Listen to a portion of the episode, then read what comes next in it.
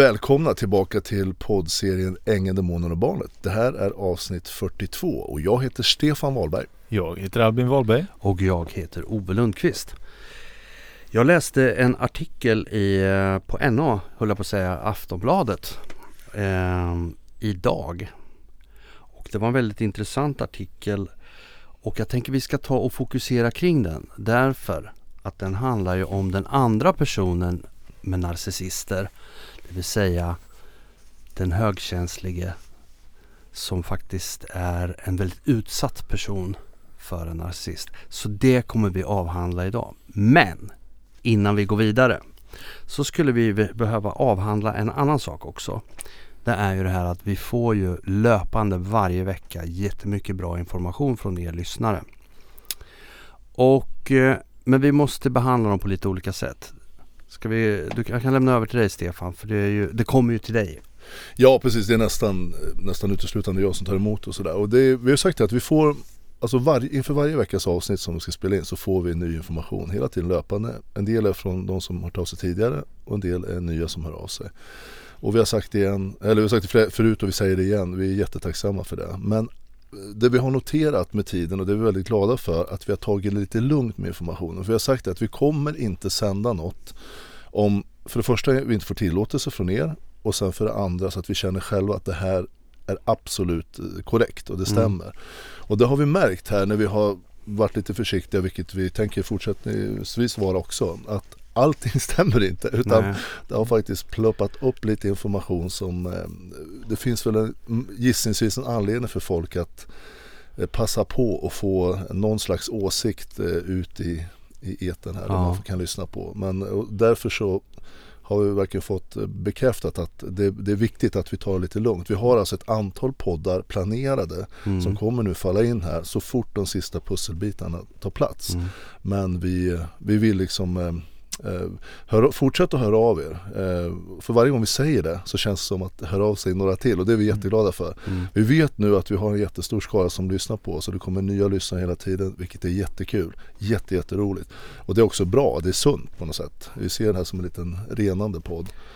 Därför att det är saker som behöver sägas som mm. inte pratar så mycket om helt enkelt. Och sen vill jag eh, tillägga en sak. Jag har fått efter sista podden här när jag förklarade lite grann läget för mig och sådär jag gjorde ett litet, någon slags statement eller ett klargörande att om jag skulle, om det värsta skulle hända sa jag i förra podden mm. och, och då var det någon som, men man vet, man förstår kanske inte riktigt vad det är men det är helt enkelt om jag skulle hittas död mm. eh, så har jag inte gjort det själv. Jag kommer inte ta liv av mig. Och jag håller inte på med droger så jag kommer inte ta någon överdos om jag skulle hittas med en överdos.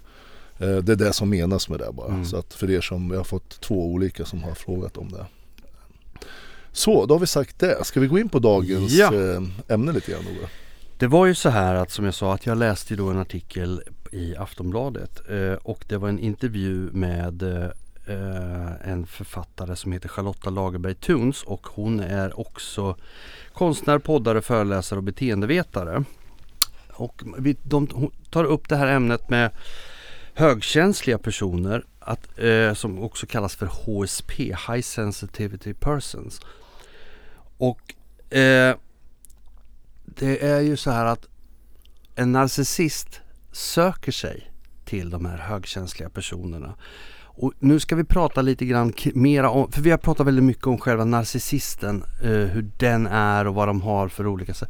Den andra personen har vi inte pratat om vad de har för särskilda drag och alltihopa här, vilket är väldigt viktigt för det jag tror säkert att en stor andel av våra lyssnare sitter där här ute och är högkänsliga personer. De kanske vet om det eller också så vet de inte om det. De har aldrig hittat något ord för hurdana de är.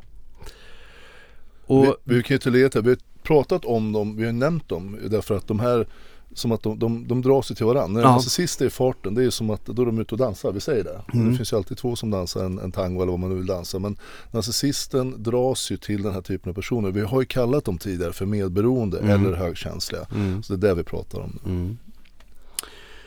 Och högkänsliga personer, vi satt ju och pratade lite innan vi skulle spela in också att vi är väl eh, alla tre här ligger under den här kategorin högkänsliga personer. Och eh, sen är man ju det i olika grad. precis som narcissister är det i olika grad. Mm. För en del som är väldigt hyperkänsliga, överkänsliga är ju ett lätt mål för en narcissist. Det är ju bara swoosh så är de inne i narcissistens värld. Men jag tänkte faktiskt läsa upp då de här olika personlighetsdragen hos en högkänslig person. Då är det några punkter här och källan då är ju Charlotta Lagerberg Thuns som har skrivit det här. Och en högkänslig person är empatisk, samvetsgrann och inkännande. Lyssnar djupt och reflekterande och har en djup mentaliseringsförmåga att få känslosmittas av an- att lätt känslosmittas av andra. Eh, och det där, jag ska ta en liten paus här. Att känslosmittas av andra, det är ju att man tar på sig andras saker. Man, är, man ser är, hur folk mår och så ja. tar man åt sig, ja. mår likadant själv. Eh, och man känner med andra och ser världen som en plats för alla. Tar in 60 gånger mer från fem sinnen. Har en stödjande attityd och ser sådant som andra tycks missa och ser subtila detaljer. Sprider ofta en mjuk stämning i rummet. Kör över sig själva för andras behov. Bär på andras känslor. Eh, det är nog rätt många som känner igen sig i det här och framför allt det här att, att man kör över sig själva för andras behov. Mm. mm. Man ska vara till lag så man ska hjälpa till och man ska alltid finnas där. Och man har överseende med alldeles för mycket. Ja. Bara för att jo, men vi måste lösa det här. Liksom. Ja. Det, det, är nog, det, det, är nog, jag tror att många av er som, som hör det här känner igen sig. Och det, man säger ju, det kan ju bero, alltså det finns ju inget hundraprocentigt facit till det här. Men, men dels kan du ha anlag för att vara mer känslosam och sådär. Och mer varm. Eh, mm. Men, men det man säger, en av anledningarna kan vara att man har vuxit upp med några lite tuffare omständigheter. Du kanske har vuxit upp med en narcissistisk förälder eller någon narcissistisk person omkring dig, vuxen. Och sen, vad händer då när du är barn, när du växer upp med de här? Ja, också, det har vi sagt tidigare, också så blir du narcissist själv. Mm. Och sen blir det liksom en kopia och det blir ett krig och du drar iväg tidigt hemifrån. Eller så blir du en person som blir så här, som mm. lär dig hantera det här. Mm. Och för att hantera en narcissistisk förälder som barn, då måste du lära dig att vara super med. Du mm. känner av minsta lilla stämning i rummet. Mm. Varje morgon när du vaknar hur den här narcissistiska föräldern är och sådär. Mm. Och det är därför du utvecklar de här sinnena. Du blir mycket, mycket duktigare på det. Mm. Och du lär dig att liksom anpassa dig för att överleva, för det är så man gör. Och när du sen växer upp själv och när du har vuxit upp med en narcissistisk förälder, ja vad händer då? Ja men då är du ju van att umgås med en narcissistisk mm. person. Så du dras omedvetet till narcissister. Och å andra sidan från en narcissist som då manipulerar allting. Som kan manipulera dig precis så att du liksom dras in i dens värld. Och du anpassar dig då som du gör till den här narcissisten. Du är perfekta offret. Mm. Och även narcissisten är ju den perfekta, lite grann omedvetet för mm. dig. Därför att du är så van att umgås med en narcissistisk person. Fast du, du säkert inte, ingen vill ju bli sårad och ingen vill ju bli lurad. Och de här varma personerna, vilket det ofta blir då när man är högkänslig, vill ju ha en bra, trygg, stadig som visar samma tillbaka. Mm. Men av någon konstig anledning undermedvetna styr dig till narcissister här. Och innan man kommer underfund med det här så kan det dröja lång, lång tid. Det kan dröja många förhållanden, många kraschade förhållanden. För att ditt undermedvetna styr dig. Eh, mot de här narcissistiska personerna. Mm. Det, så det är Ja, men det är ju som hon Charlotta säger att eh, det här förhållandet mellan en högkänslig och en narcissist är en toxisk perfect match. Ja, precis. Mm. Det där var bra ja, ordval för det är precis vad det är. Ja, och det är ju så här att eh, en, en narcissist dras ju till de här personerna på grund av att de kan manipulera dem de kan jobba med, som vi har pratat om tidigare, gaslightning. Och rent konkret vad gaslightning är, jag tar det kort igen. Det är ju det här att de eh, säger saker till dig som person eller som högkänslig som gör att du ska tro på det lugner eller manipulation eller någonting och till slut så blir det så att du undrar om du är riktigt, riktigt klok själv. Och det ja, för de blandar ju in lite små Ja. saker som inte stämmer Ja. med saker som, som, som är korrekta. Och, och det där är det ju, vad ska jag säga, obehagligt att de gör så. Men sen är det ju det här också, det finns en annan sida med det här. När du då som eh, högkänslig lever med en narcissist och du börjar liksom komma på dem, komma dem på spåret. Det är ju så här, de är ju supertrevliga till en början och du faller ju naturligtvis för det där. Men sen så kommer det här problemet att eh, du börjar komma dem på spåret om du är där. Förr eller senare kommer man ju dit. Ja, Mm. då bryter ju den här narcissisten fullständigt masken och blir vansinnig. Då har du två alternativ. Det ena det är att du packar dina grejer och drar. Och bara säger tack tack för mig, jag är inte med på det här längre. Eller så anpassar du dig Mm. och tycker att oj, nu, nu har jag gjort fel. Och det som är också, det är att narcissisten skyller på dig att du är överkänslig för allt. Du är ju så känslig, du är ju helt överkänslig. Och vad tänker man då? Ja, det kanske jag är. Det är lite skumt det där. Mm. Och det är ju en överkänslig person som skulle ha bäst förutsättningar för att finna sig i en sån situation och tänka att jo men det är nog jag som är lite känslig. Det den har gjort är väl inte så illa egentligen. Den säger ju att det var på grund av den och den anledningen. Så jag borde väl kanske överseende men jag förstår att den har mått dåligt och det har varit mycket och ditten datten. Och, Och sen Ja. lägg till också att du är van att anpassa dig. Ja, Därför att exakt. du har någon Det slags liksom erfarenhet av narcissist tidigare i Ja, uppväxten någonstans på något sätt. Så du kan det här. ja. Det är så lätt att falla in i det här. Okej, ja men Okej, man, man kanske har gått in så långt i ett förhållande. Det är inte Mm. bara att hoppa av hur som helst. Ja, men Kanske. det är ju så här, det onormala blir normalt liksom. Det är Det är ju, man så. normaliserar ett, ett Mm. konstigt beteende. Och sen har vi det här andra, du var inne på det ganska tidigt det här med kärlek, lovebombing eller kär- kärleksbombar. mm. Så det, de är ju experter på det. De säger allt det du vill höra och alltihopa så de har liksom lindat dig runt fingret. Och det gör de ju när de får reda Ja. på att du väljer då istället för att ta strid och Mm. gå därifrån. Ja men okej, jag accepterar. Då, Ja. då, är de, då är det kärleksbombing en stund igen. Och då utlöser dopamin i kroppen och eh, liksom kortisol i hjärnan. Och det här det blir som en, det är en kemisk cocktail. Som är liksom Mm. som, Ja, men det är dopamin och stresshormoner på en gång ju mixat. Fan, ju- ja, Så man, man mår ju både bra och inte bra. Ja. För det är ju jävligt stressande med och slitsamt är det ju som fan ja, nej så Jag vet inte vad man ska säga mer om eh, det här med högkänsliga. Det är ju eh, Att man är ett lätt offer, det kan man ju förstå.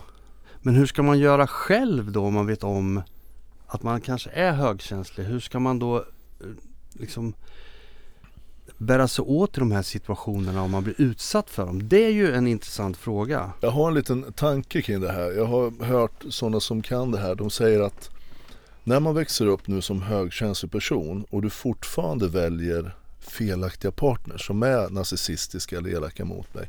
Så är det ju forskare som menar att det finns en anledning till att du gör det. Därför att du behöver läkas. Mm. Och det gör du som vuxen och träffa en, lyssna här nu för det här är ju lite Mm. Alltså så att, för, för oss, för oss jag, jag ser mig att jag har varit en sån här högkänslig, jag är fortfarande, men jag har kommit en bit i alla fall. Mm. Känner jag. Så jag, jag, jag står, det har jag sagt tidigare, jag står rätt stadigt även fast det här med Eva och Bill fick mig att vila till lite grann. Men inte så att jag stannar nere på något sätt, även fast jag varit lite halvlockad där. Men, men så här är det, man, när man växer upp och blir högkänslig och varit med om det här narcissistiska i sin uppväxt, så söker man omedvetet eh, sin match, det som kan göra dig fri. Du söker alltså en liknande partner som vart du varit utsatt för för att kunna lära dig att göra rätt. Är ni med? Mm. Och det är rätt logiskt om man tänker efter. Du går med ett sår, ett, ett trauma som du inte har bearbetat. Japp. Okej, och sen ska du träffa någon. Men du vet inte för du har lagt locket på lite grann till de här jobbiga personerna. Du kanske inte har pratat ut om det så du känner att okej, nu greppar jag vad det här är för någonting. Och vi har ju som sagt, vi är inne på avsnitt 42. Vi pratar om de här extremt demoniska toxic personerna som ställer till ett helvete i tillvaron. Men om du har haft en sån i din uppväxt, då är det inte så konstigt att, och, och sen har du försökt överleva det, du har inte bearbetat det. Sen när du ska träffa någon partner eller någon vän och så, här, så kanske du drar dig till sådana här personer. För att det undermedvetet, du behöver ha det för att du behöver liksom starta där du la locket på. Och försöka klara ut det här och få den erfarenheten. Jag tror att det var det som hände mig. Till exempel med Eva och Bill. Någonstans så jag kan se nu i efterhand, jag var ju alldeles, alldeles för anpassningsbar och för snäll. Alltså allvarligt talat, hade Bill gjort vissa saker, eller när han gjorde vissa saker som han gjorde, hade det varit idag, då har jag gått upp till honom och sen har jag tagit honom i hans lilla eh, skjortkrage och lyft upp honom mot väggen och sa att nu skärper du till dig. Nu gör du rätt här, det här vill jag inte vara med om. Nej. Allvarligt, eller något liknande. Därför att han, han, jag släppte honom alldeles för mycket, jag hade inte behövt göra det. Nej. Men det här som jag hade med mig från sin, min mamma när jag var liten för många, många år sedan. Men om ni som har hört podden vet ju det att jag hade en liten ruffig uppväxt med min extremt narcissistiska mamma. Det var väl det sista liksom pusselbiten jag behövde. För nu känner jag liksom att jag har som pass nu har jag fått en karta ö, som är väldigt, jag känner mig väldigt trygg med det. Men det var någonting som jag kan se det nu som jag missade. Som jag hade missat. Där man är för anpassningsbar. Och då behöver du gå in i det här skiten igen. För att lära dig det här fullt ut. Men Det, det du säger, när jag får känslan att när man är uppvuxen med en narcissistisk förälder eh, Man håller på och jobbar hela tiden för att bolla med dens känslor och man vet aldrig vart man har den och den är oberäknelig och den är på något sätt, i någon utsträckning, för vi säger de flesta narcissisterna blir aldrig fi, eh, friska Och det skulle då innebära att det, det är en ofixbar partner. Du Mm. kommer aldrig kunna, Mm. eller förälder då, Nej. men person i närhet du kommer aldrig kunna fixa den personen men du jobbar hela tiden för att anpassa dig för att få situationen att funka eh, Och när man då söker en likadan partner Då kommer man igen få någon som är mer eller mindre ofixbar Ja. och jobba med att försöka fixa den här personen som inte går att fixa För att det är det man, man har programmerat sig själv under hela uppväxten till att göra Mm. Så vad, vad jag, jag var inte riktigt med på, vad var Nej, men det, det, lösningen? det, du- det du gör då, det är att du om man säger så här, det, ja, det är jätteintressant. Jag ska försöka fasiken med att lägga ut länkar till det. Det är jätteintressant. Jag, jag lyssnar mycket på det, hur, hur, för det här är ju liksom djupt på något sätt och det är det undermedvetna som spelar oss, som det gör hela tiden.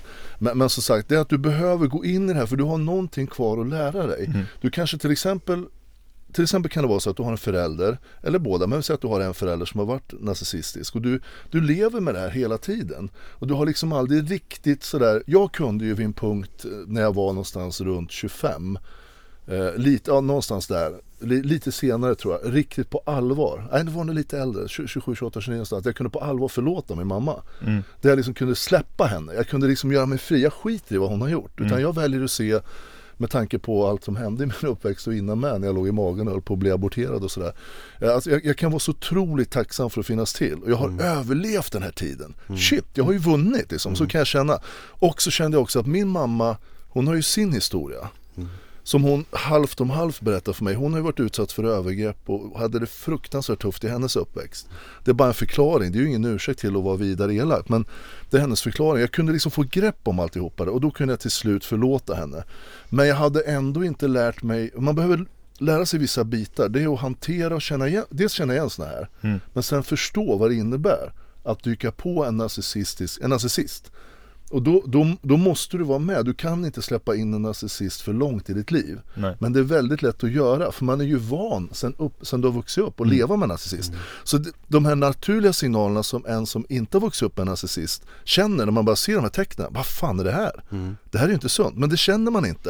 Nej, om man har vuxit upp med det här, det är normalt, Ja. det är normaliserat. Men du måste Precis. lära dig att få den, lära dig att hitta den gränsen. Mm. Och då har de, de här som forskar tänkt att då drar man sig till de här och sen får man gå igenom kanske ett eller några sådana förhållanden till, till man lär sig att okej så här och så här och så här måste jag göra. Mm. Och så här kan jag ju inte göra för det vet jag nu. Uppenbarligen har jag inte lärt mig det innan men jag har lärt mig det nu. Så se inte det som någon slags waste of time att du går in i ett narcissistiskt förhållande och du inser fan också, nu vart det ju så här igen. Ja men du behövde säkert lära dig någonting. Ta med dig det och lägg det i din ryggsäck, livets ryggsäck, så att du liksom kan hantera och sortera bort de här snabbare nästa gång. Du kanske inte ens behöver liksom prata med en, en, två, tre gånger. Nej men nu vet jag. Det här, det här pekar åt det hållet, då är det bra för mig. Ha det så bra, hej då och så går du vidare. Mm. Du behöver inte gå in i det. Nej. Men faran är som sagt, där jag börjar lite grann, när man är van vid det och när man har vuxit upp med att det känns bekant. De här normala signalerna som säger hopp, hopp, hopp, varningsflaggan går inte upp. Nej. Men du behöver få upp den igen så att den liksom eh, daterar upp den så att den går upp till dem. Och då behöver man bearbeta det igen.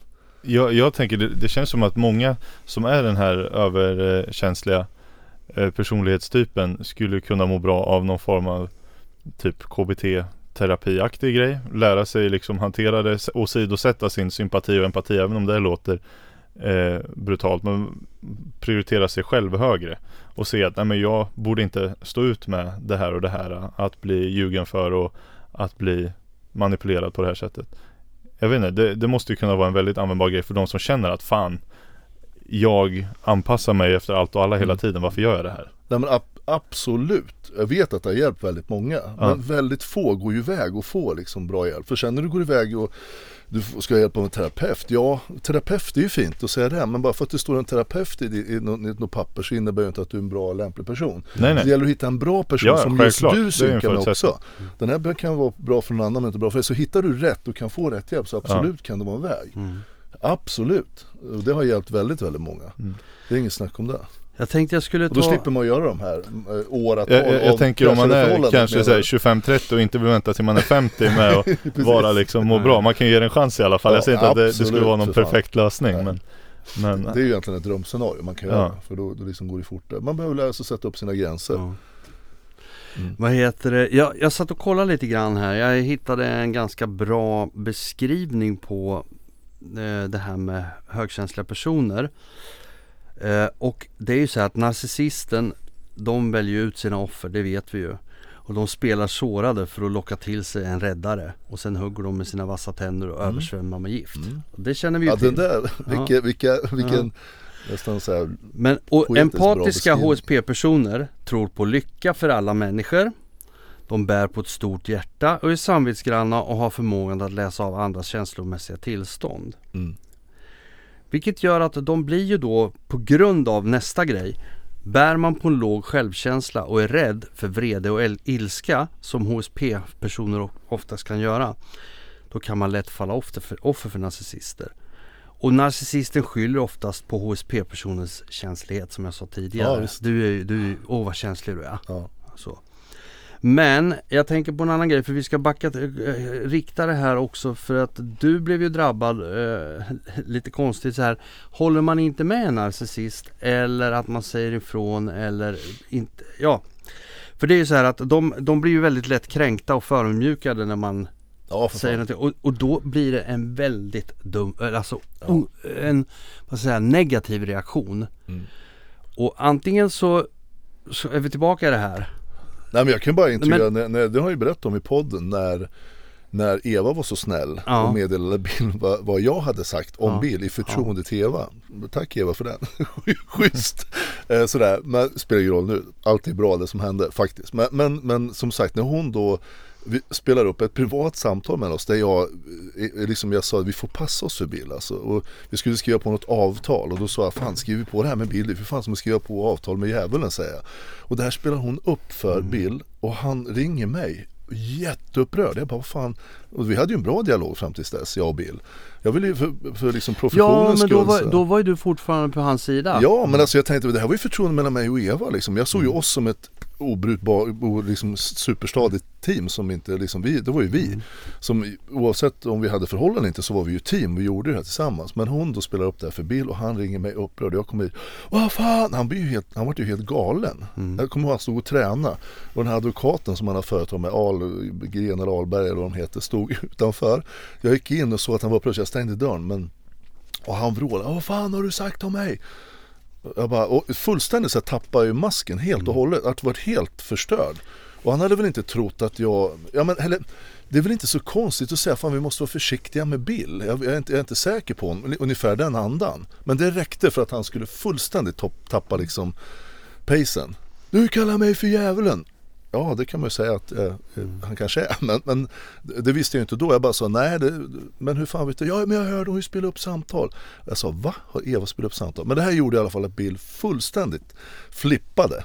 Och sen, sen den sekunden han fick höra det här så har jag, sk- ska jag bort bara. Från att ha varit liksom på väg att bli en av hans närmsta då, vilket jag är glad för att jag inte varit. Men, men, men så vart jag ju bara den som skulle Bara bort, bbort, bort. Och sen jag kom ut och öppnade dörren, då stod ju han Ahlgren, vad han heter, psykologen som Bill har fel företag med. Och han, han var helt still och ögonen var alldeles uppspärrade. Han hade ju hört samtalet. Och visste inte vad han skulle tro liksom. Sådär. Ja. Men, men om det var det du menade, Ja, exempel jo, det var- när en det var narcissist, faktiskt- när en narcissist känner att den inte har ditt fulla stöd. Det är precis det det handlar om. Ja. Då jävlar, då Ja. kommer det att då, då får du dem, för, för de har ju väldigt, väldigt, väldigt liten självkänsla. Ja det har de. Ja, och de måste ha ditt, och de måste veta att du är liksom, att du stödjer dem till 100%. Det som är det är att de har fantasier och, om sin gränslösa begåvning och Mm. de tror liksom att de har stora framgångar och Men som du säger, självkänslan är otroligt låg. Den där balansen blir så jävla konstig. Ja. Ju som, ja. Och det där gör ju då att eh, de vänder sig ju negativt mot den personen som Bill gjorde mot dig då. Mm. Det då. och det här säga. kan ju, ja, de. Sen behöver det ju kanske inte bli på, det kan bli på den nivån, det kan bli att det blir våld som tillförs om det Ja. är eh, alltså våld i, i, vad säger man, nära relation. Mm. Kan ju hända. Men, Kan man inte göra våld själv då kan man göra en liten torped. ja precis. Eller? Ja. Eh, eller flera. Eller två eller tre, precis. Mm. Men, eh, eh, vad tänkte jag på? Och då i sådana här lägen då, som vi pratar ju som utgångspunkt i den här podden, den här högkänsliga personen då, Mm. som jag vill tro att jag är. Det känns ju kanske lite som att jag är så känslig och sådär. Men jag, vi får vara lite realistiska och jag har Mm. varit en sån person. Liksom sådär. Och ser mig fortfarande som det, även fast jag har lärt mig efter, efterhand att sätta mina gränser såklart. Mm. Och att jag har en sida, jag pratade i någon podd om det här med eh, när du sitter i en grotta, eh, på tiden man bodde i en grotta och, och en familj och det kommer ett lejon och hoppar in. Ja du kan inte sitta bara och, och, och skrika usch vad otäckt, jag vill inte ha något våld. Det funkar inte. Mm. Då måste du bli starkare än lejonet, hur fan nu det ska gå till. Men du måste fixa det på något Mm. jävla sätt. Du måste klura, tänka och vara fullständigt ett monster för Mm. att klara av att besegra ett lejon. Och den sidan måste du hitta i dig själv. Mm. Tycker jag speciellt som man på något Mm. sätt. Jag tycker det ligger på våran lott. Nu kanske jag blir lite manlig och kvinnlig men, men jag, jag tycker det. En, en man ska vara precis lika hemsk, kunna vara, som han ska kunna vara snäll och varm och Mm. trygg och lojal. Mm. För att ibland behöver du vara hemsk när, det, när du dyker på sådana som Bill. Och för den delen med på, på ett annat plan kanske, men Eva. Bara en liten kort parallell på just den här med att man ska ha kapacitet att vara ett monster. Mm. Jag lyssnar på en kanadensisk psykolog mycket. Många av er som lyssnar kanske har hört talas om, om honom. Jordan B. Peterson heter han. Eh, och han har gjort många reflektioner eh, och analyser på olika bibelberättelser. Mhm. Och eh, bland annat då så har han eh, reflekterat lite över eh, konceptet att eh, Ja på engelska heter ju frasen The meek will inherit the earth Mm. eh, Att de, jag vet inte exakt, jag kan inte frasen på svenska Men det är ungefär att de, de små eller de svaga kommer att få ärva jorden Men eh, han påstår sig ha eh, läst de ursprungliga, eh, ja, om det är hebreiska och latin och grejer, det översatts i flera varv. Eh, och eh, översatt själv och reflekterat lite över, för han tycker att det låter, kändes inte rimligt när han har funderat på det och han tog reda på de originalöversättningarna och enligt honom då så tycker han att en bättre översättning om man ska gå på ursprungsspråken på det här är att de som har kapacitet att dra ett svärd men väljer att inte göra det är de som kommer få ärva jorden. Mm. Eh, fritt översatt till svenska. nog- Ja. Det var nog pinnen på tycker jag. Eh, och det går ju rakt in i det här lite grann. Mm. Att man ska ha kapacitet att vara ett monster för då, då, då har man kapacitet att göra saker och man kommer vara en bättre person för alla i sin omgivning. Mm. Fan du överraskar idag igen. Ja, så där. Nej men det där var ju, det där var ju Det var extremt jätteintressant. Ja, mycket klokare och Ja. det, det makes sense mycket bättre Ja. på något sätt också. Absolut. För kan Mm. du inte överhuvudtaget bli ett monster när du blir attackerad då, då blir du ju bortputtad bara. Ja, då är du borta och du kan inte göra ett skit. Han pratar mycket om det att alltså Det är ingen dygd, det är inget eh, liksom fint i att inte bruka våld om du inte har kapacitet att bruka våld för då är det inget alternativ. Det är Nej. det enda du kan, Mm. vara liksom liten, svag och harmlös liksom. Men om du har kapacitet att bruka våld så eh, då helt plötsligt Mm. att välja att inte göra det utan lösa det fredligt. Det är ju nog väldigt beundransvärt. Precis. Alltså får man ju, kan man alltid diskutera vad våld är. I dagens Mm. samhälle är det ju lurigt. Jag, jag har ju tyckt, och det har jag sagt till dig med, det kan vara bra och jag har ju varit med och kört kampsport i rätt många år, till och från under väldigt många år. Men Eh, och det är bra att kunna liksom försvara, lära dig att försvara dig Mm. själv och kunna hantera bara fysiskt. Och det som händer när man gör det, det också, det är att du, det finns ingen som helst behov någonsin att visa det eller ens yttra om att du, nu gör jag det i podden här men, Mm. men jag säger inte att jag är världens bästa för det. Det är inte det jag påstår utan det gäller att hantera, kunna hantera och veta vad, hur du ska hantera en människa som är kanske galen, Mm. som är hotfull eller någon, ja, men det kan komma en terrorist eller någon psykisk sjuk eller vad, vad som helst. Mm. Attackera dig och din familj, vad gör du då? Ja men då är det bra att kunna och ha ett, en viss arsenal att ta till. Mm. Men sen visst kommer någon och, eller flera stycken som eh, vi har hört här eh, skulle kunna komma med, med torpeder med pistoler ett gäng. Det är klart då blir det ju tuffare odds, då har du Mm. oddsen emot dig såklart. Mm. Och, och jag brukar säga det, vilken idiot som helst kan ta upp ett vapen och skjuta någon. Mm. Men, men, eh, och det är ju det vi lever med idag, tyvärr. Mm. Och det är inte speciellt macho tycker jag. Det är bara, det är bara, det är bara så fel på så många plan. Mm. Men däremot så, eh, om man nu pratar om att anfalla någon och vilja, inte fan vet jag av någon anledning, försvara sig som de gör i USA, det kan man ju diskutera, det var Mm. absolut. Men det är lite kontroversiellt, vi har inte kommit dit alls i Sverige. Men Nej. att kunna försvara dig i någon slags läge där du blir fysiskt attackerad, dig och din familj, det tycker, jag, det tycker jag man ska göra. Framförallt som man, men gärna som kvinna med. Så du har någon slags, träna kampsport till Mm. exempel. Eller någon slags sån här försvars eh, konst, absolut. Det är, det är fan, Jag det är, tror att det är fler kvinnor som har börjat eh, Mm. träna självförsvar. Kramaga tror jag, eller vad heter det? Heter det så? Ja, Kravmage. Kravmage eller vad fan hur man uttalar det. Ja det är ju en variant, Ja, absolut. men det, jo, men jag, jag såg någonting på tv om det där att det är fler kvinnor som har börjat liksom tagit Mm. tag i det här. Det är ju bra liksom. Mm. Med tanke på att de är- blir ju utsatta, Mm. tyvärr. Mm. Kan ju inte ens gå en kväll genom en park. Nej. Det är ju helt otroligt. Ja, det är så Mm. jävla sjukt så Ja. det är be- bedrövligt. Ja. Och sen ett tips till er som funderar då på att fan, skulle man inte börja köra någon kampsport? Kolla upp vad det är för kampsport ni funderar på att börja med. För det finns många eh, kampsportstyper eh, som är tämligen, eh, vad ska vi kalla det, värdelösa när det väl kommer till kritan. Så se till att det är någon som ni verkligen har användning av.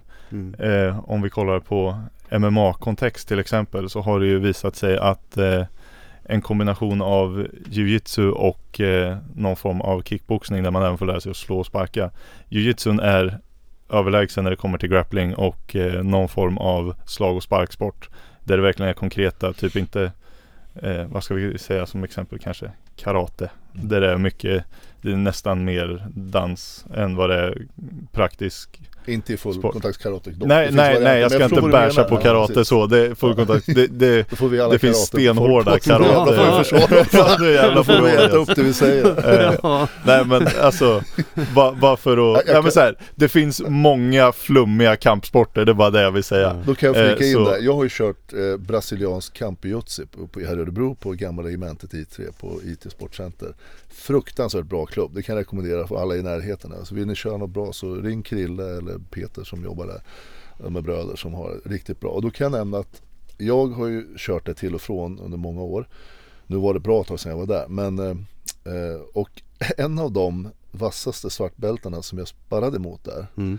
de, den, om jag inte påstår, om, kanske Krille, han som äger det, han, han och Peter de är jävligt duktiga och det finns några riktigt bra där också. Men finns en kille, jag kan nämna honom, han heter Johanni. Eh, en kille som faktiskt har tävlat i fullkontaktskarate. Mm. Han var så jävla bra på allt. Ja. Så jag vill bara flika in när du Ja, säger ja. att karate, Nej, men- det, det kanske han var körde fel, fel, fullkontaktskarate för jag eh, jag tror fel gren och jämföra med. Men, Han var så jävla bra. Det det gäller att sätta händer och fötter och allting precis på rätt ställe för att dels mm.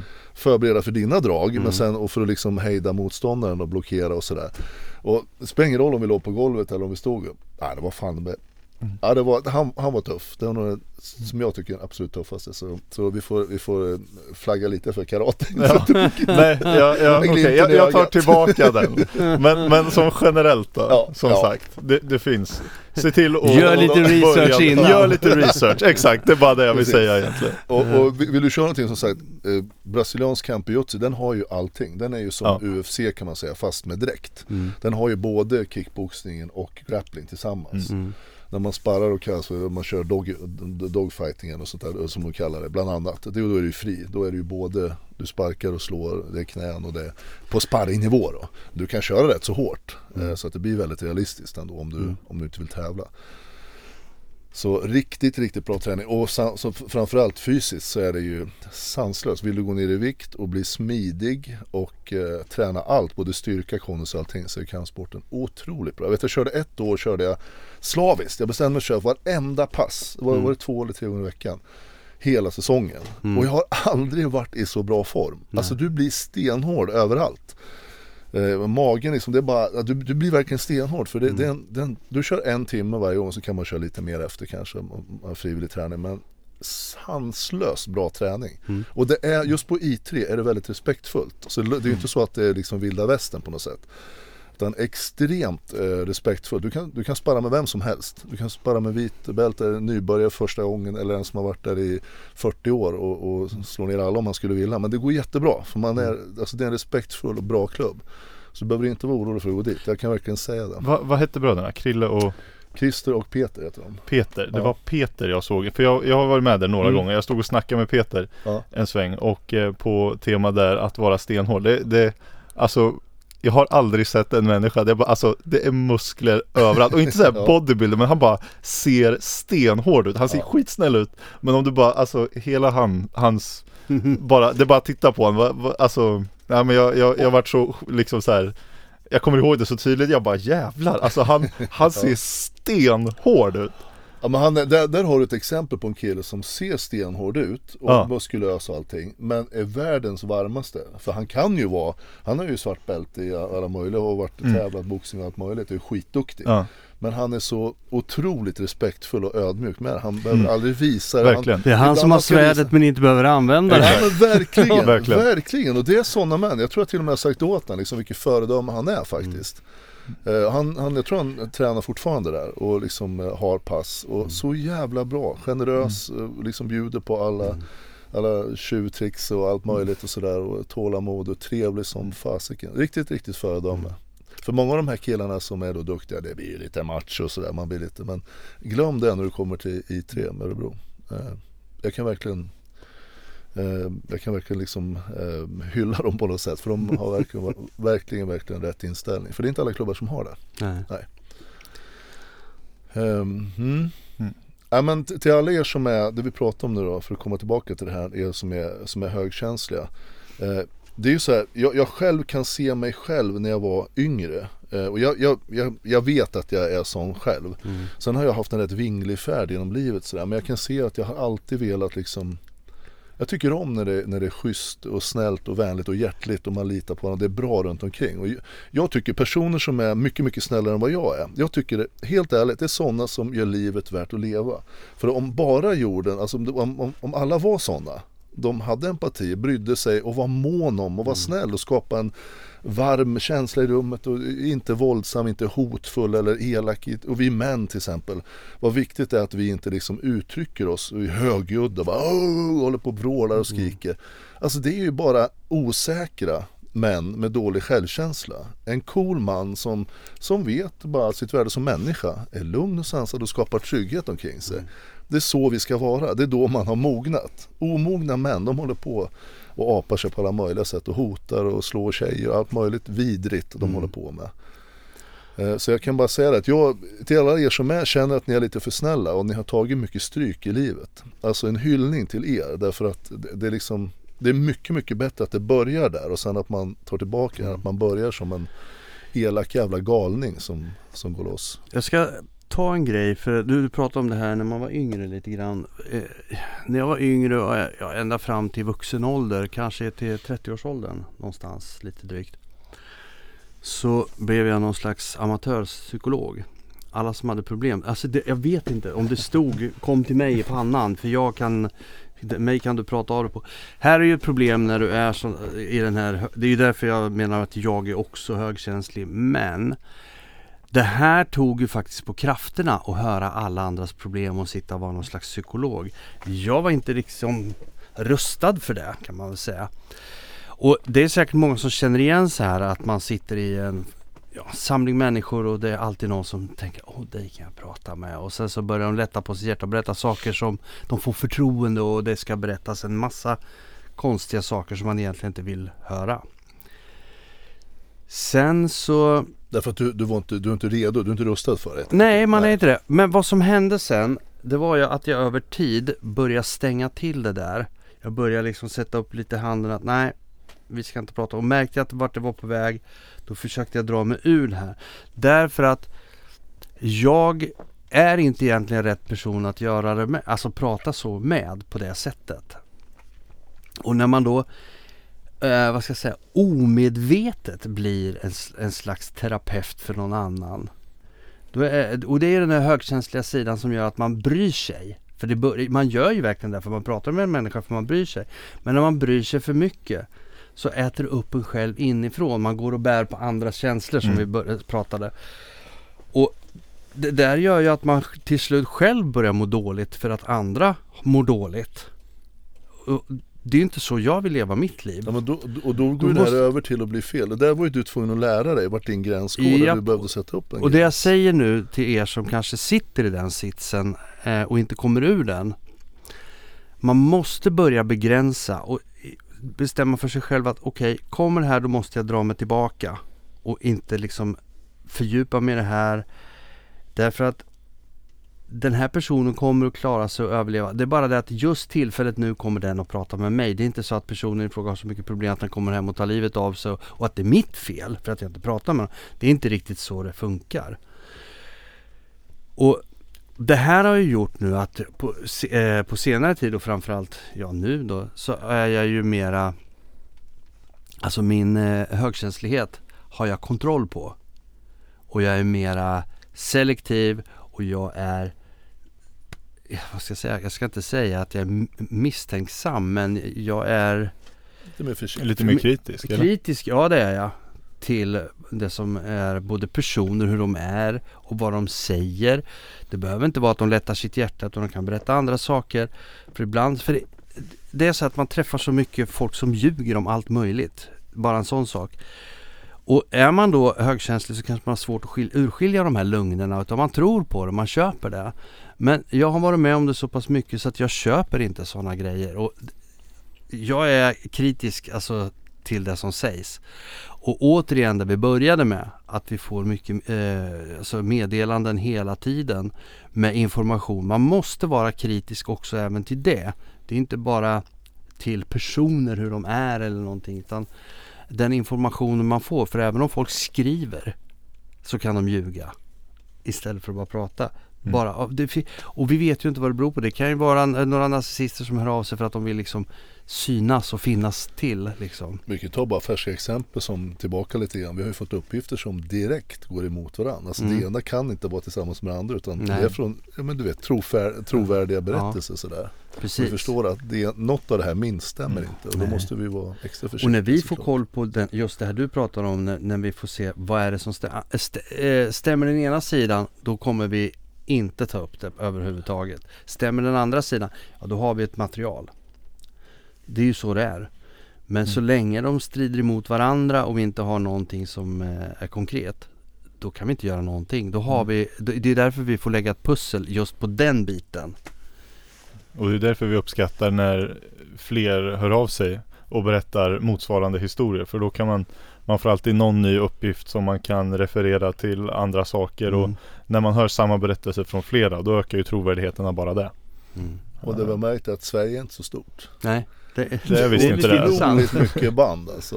Ja, det är Eh, kopplingar åt det- många det är håll. Nästan, det är nästan så här som man blir, man blir full i skratt åt Ja. det faktiskt. Man tror ju, för det är ju lyssnare överallt ifrån hela Sverige Ja. kors och tvärs som hör av sig. Och så rätt vad det är så, jaha men det där Det de, finns kopplingar åt olika person, håll. okej, liksom. Ja, så, precis. Ja, är, mycket, mycket intressant. ja. Ja, men- och sen som lite tips från hur man ska justera det här när man är högkänslig med Om jag tänker på Eva som jag hade förhållande med Hon var ju då ett bra antal år var hon ju väldigt väldigt lojal och visade Mm. ju superstadiet men Precis när vi kom till det stadiet där hon inte behövde mig längre på det sättet och hon fick liksom kontroll över allting för allt stod ju på henne som ni vet Då vänder det och då sker det så dramatiskt Eh, Och det är, det, som är, det, det är där du ser att det är narcissist har att göra med. För att en, en, en vanlig människa kan inte vända så. Och den kan Nej. inte plötsligt bli, vara kärleksfull på alla sätt du kan tänka dig under fem år, säger vi, fem, sex år. Och sen plötsligt bara vända.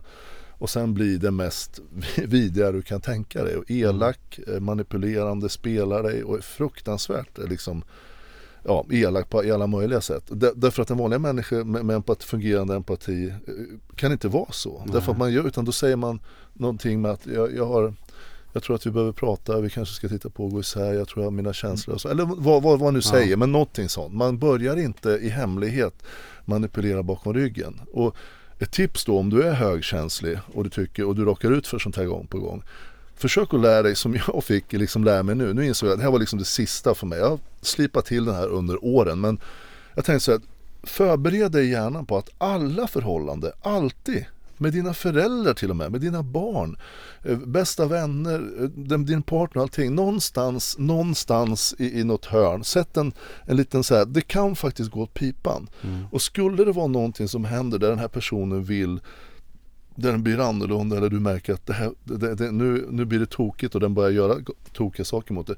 Försök bara, bestäm dig för att då steppa tillbaka. Mm. Gå inte in i det och följ efter. Men vad, vad, varför gör du sådär för och börja prata? Men fan så här har vi ju inte sagt. Alltså, steppa ett steg tillbaka och se lite vad som händer. Mm. Och ställ dig in det på direkt att det här kan vara illa. Det behöver inte vara det.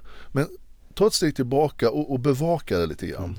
För så, det tycker jag funkar bra. Det kan jag se i alla mina relationer där jag har gjort så genom livet. Det, det, är, liksom, det är ett bra steg. För det här känner narcissisten också. Och då börjar den, då får du se hur den agerar. Den kanske är så inne på något eh, grej där han inte, den är helt blind och bara kör. Ja men då kan du konstatera att den här personen, det är den här jag trodde jag var kär i men det är jag ju inte, det ser jag ju nu. Och försök så fort som möjligt att adaptera det och liksom uppdatera det med den bilden. Men, men det är inte lätt för det, men det blir lite mindre svårt.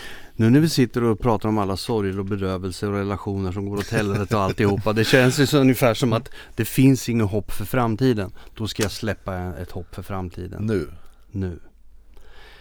Vet du hur länge jag och min fru har varit tillsammans? ja, du har sagt det men jag kommer inte ihåg åren. Men... 35 år. Och det, Ja. det är en Det eloge för. Fucking bra jobbat. Ja det är riktigt, riktigt. Då kan man ju säga så här.